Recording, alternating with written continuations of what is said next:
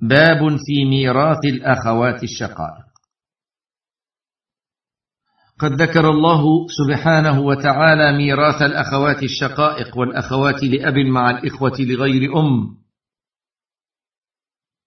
واحدتهن وجماعتهن بقوله في آخر سورة النساء يستفتونك قل الله يفتيكم في الكلالة.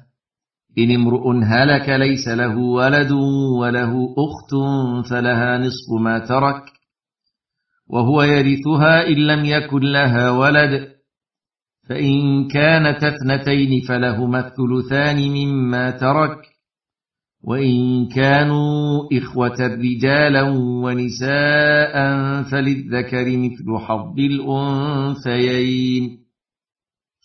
وذكر ميراث الأخوات لأم واحدة كانت أو أكثر مع الإخوة لأم بقوله تعالى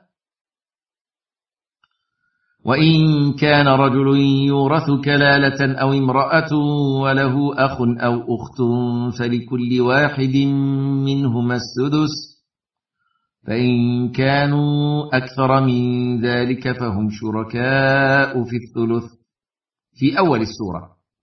فالأخت الشقيقة تأخذ النصف بأربعة شروط. الشرط الأول عدم المعصب لها وهو الأخ الشقيق لقوله تعالى وإن كانوا إخوة رجالا ونساء فللذكر مثل حظ الأنثيين.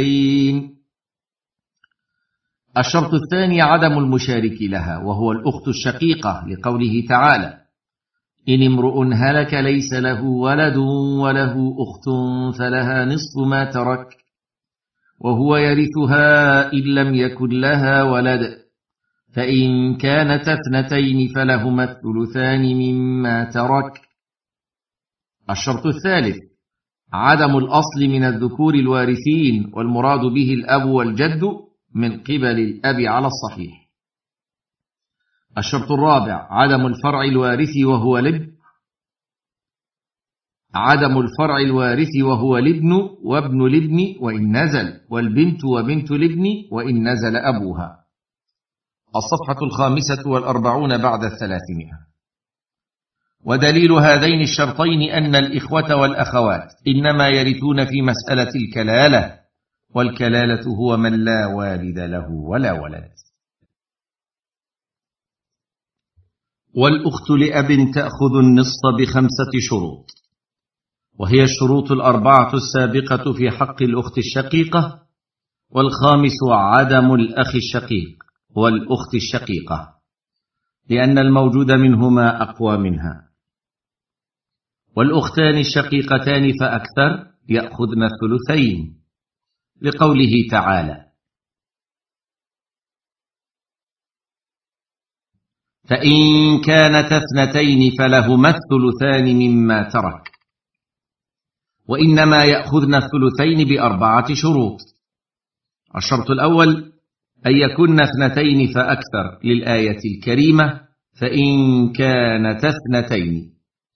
الشرط الثاني عدم المعصب لهما وهو الأخ الشقيق فأكثر. لقوله تعالى وإن كانوا إخوة رجالا ونساء فللذكر مثل حظ الأنثيين. الشرط الثالث عدم الفرع الوارث وهم الأولاد وأولاد البنين. لقوله تعالى إن امرؤ هلك ليس له ولد وله أخت فلها نصف ما ترك. الآية. الشرط الرابع عدم الأصل من الذكور الوارث وهو الأب بالإجماع والجد على الصحيح. والأخوات لأب اثنتان فأكثر يأخذن الثلثين للإجماع على دخولهن في عموم آية الكلالة. إن امرؤ هلك ليس له ولد وله أخت فلها نصف ما ترك وهو يرثها إن لم يكن لها ولد. فإن كانت اثنتين فلهما الثلثان مما ترك. لكن لا يأخذن الثلثين إلا إذا تحققت خمسة شروط. الشروط الأربعة السابقة في الشقائق والشرط الخامس عدم الأشقاء والشقائق. فلو كان هناك من الأشقاء واحدا كان أو أكثر ذكرا أو أنثى لم ترث الأخوات لأب الثلثين بل يحجبن بالذكر وبالشقيقتين. إلا إذا كان معهن من يعصبهن. وأما إذا كان الموجود شقيقة واحدة فإن للأخت أو الأخوات لأب السدس تكملة الثلثين. وإذا وجد بنت واحدة وبنت ابن فأكثر فللبنت النصف ولبنت الابن فأكثر معها السدس تكملة الثلثين. لقضاء ابن مسعود رضي الله عنه بذلك وقوله إنه قضاء رسول الله صلى الله عليه وسلم فيها رواه البخاري. حاشية برقم ستة وثلاثين وسبعمائة وستة آلاف وكذلك اثنين وأربعين وسبعمائة وستة آلاف. انتهى. ولأنه قد اجتمع من بنات الميت أكثر من واحدة. فكان لهن الثلثان لقوله تعالى فإن كن نساء فوق اثنتين فلهن ثلثا ما ترك. واختصت بنت الصلب بالنصف لأنها أقرب. فبقي لبنت الابن فأكثر السدس. تكملة الثلثين وذلك بعد توفر هذين الشرطين. الشرط الأول عدم المعصب لها. وهو ابن الابن المساوي لها في الدرجة سواء كان أخا لها أو ابن عم. الصفحة السادسة والأربعون بعد الثلاثمائة. الشرط الثاني عدم الفرع الوارث الذي هو أعلى منها سوى صاحبة النصف فإنها لا تأخذ السدس إلا معها. والأخت لأب مع الأخت الشقيقة تأخذ السدس تكملة الثلثين.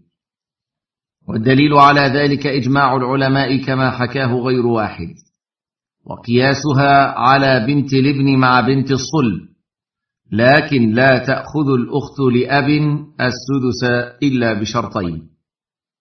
الشرط الأول أن تكون مع أخت شقيقة وارثة النصف فرضا.